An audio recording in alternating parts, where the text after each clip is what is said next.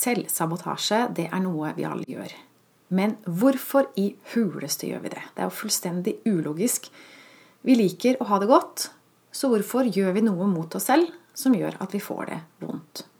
Tilsynelatende fullstendig ulogisk.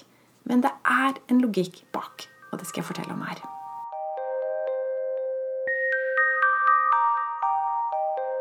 Jeg heter Line Strandvik og jobber online som personlig veileder.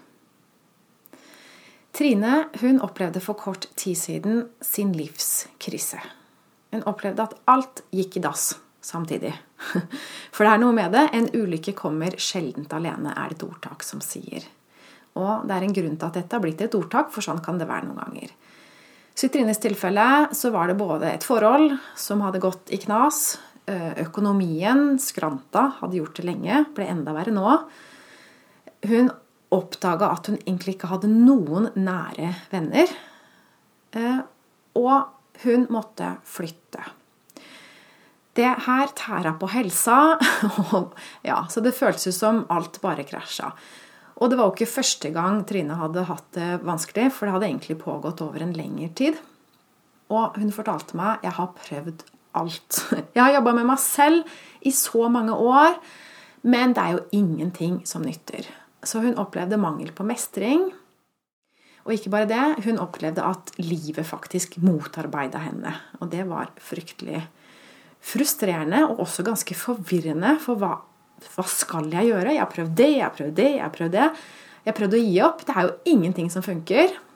Og det er en veldig frustrerende situasjon å være i. Jeg har vært der selv. Jeg vet hvordan det er. Det Trine egentlig ønska, det var bare å være sunn og frisk og glad. Hun hadde en del kreative prosjekter som hun drømte om å få tid og overskudd til. Og så drømte hun om å hjelpe andre mennesker. Trine var bevisst om at hun hadde selvsaboterende tendenser, men hun hadde ikke full bevissthet om det. Det var mye hun gjorde mot seg selv. Mange valg hun tok ubevisst, som hun egentlig glemte etterpå. Og nå lå hun der, nede i grøfta, og så hadde hun allerede glemt at det var hun selv som hadde sluppet tak i rattet. Vi ødelegger for oss selv uten å være klar over det. Og hvorfor er vi ikke klar over det? Hvorfor lever vi ubevisst? Den ene grunnen er at det er akkurat som hjernen må spare på strømmen. Vi kan ikke gå rundt og være bevisst om alt. Vi danner noen automatiske mønstre, f.eks. at hjertet slår, og at vi puster. Men også f.eks. når du kjører bil. Til å begynne med må du fokusere og tenke på det, men så blir det automatisert. Så vi har en del automatiske prosesser i hjernen i hvordan vi lever, og det er bra.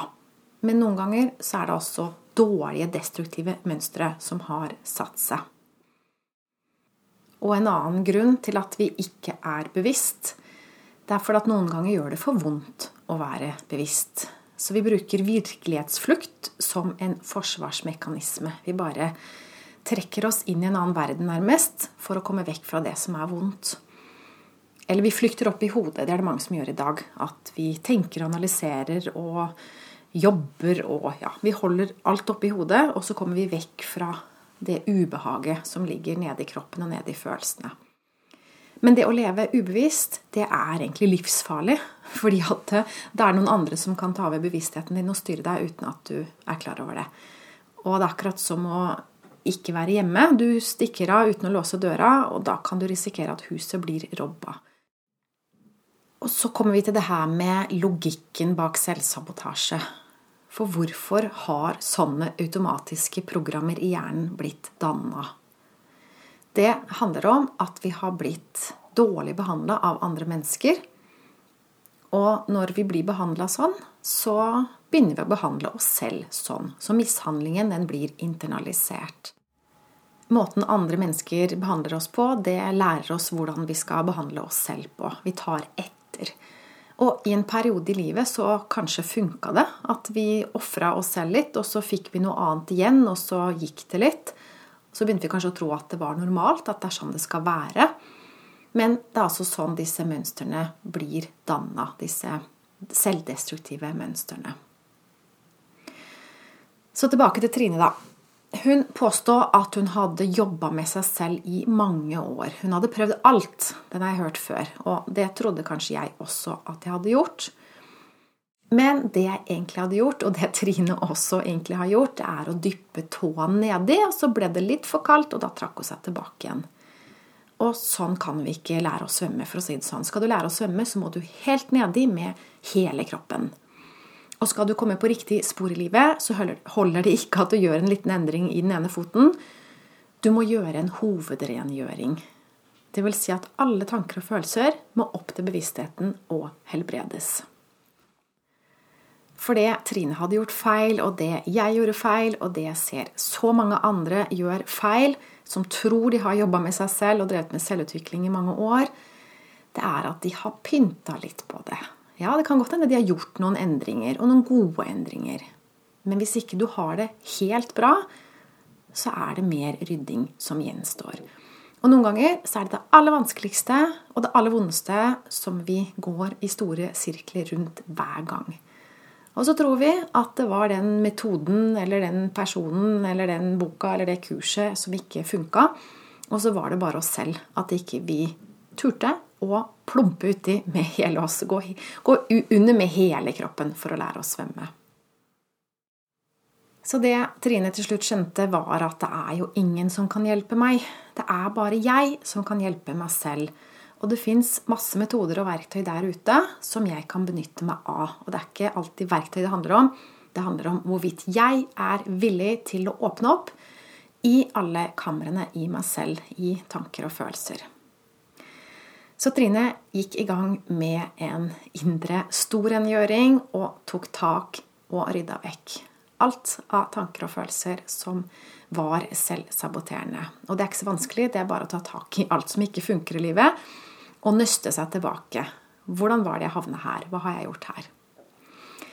Og nå har hun fått den stoltheten som hun har savna lenge, og fått den friheten hun har savna lenge, og ikke minst fått tilbake selvrespekten.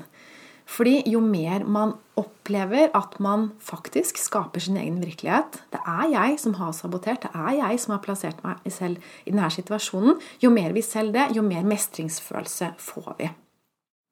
Så det å ta 100% ansvar for alt som skjer med oss, og ikke falle for fristelsen og gå inn i offerrollen, det er løsningen. 100% ansvar. Hvis det er noe du er misfornøyd med i ditt liv, så er det din skyld. Og det er en god nyhet, for det betyr at du kan endre på det. Du kan også avinstallere selvsaboterende programmer som du har i deg, i ditt kroppssinn-system.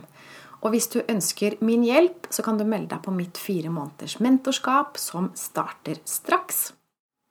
Og Linken finner du på websiden min linestrandvik.no i menyen e-butikk. For jeg vet at du er allmektig i ditt eget liv, og min misjon er å hjelpe deg til den bevissthetstilstanden. For det er den du egentlig er. Du er et fritt menneske som kan gjøre akkurat som du vil her i livet. Det er ingen begrensninger annet enn de begrensningene du setter for deg selv, og det kan være ganske mange. Og det er grunnen til at vi trenger å rydde opp i hodet. Tusen takk for at du hørte med på denne podkasten. Jeg ønsker deg en strålende dag. Ha det.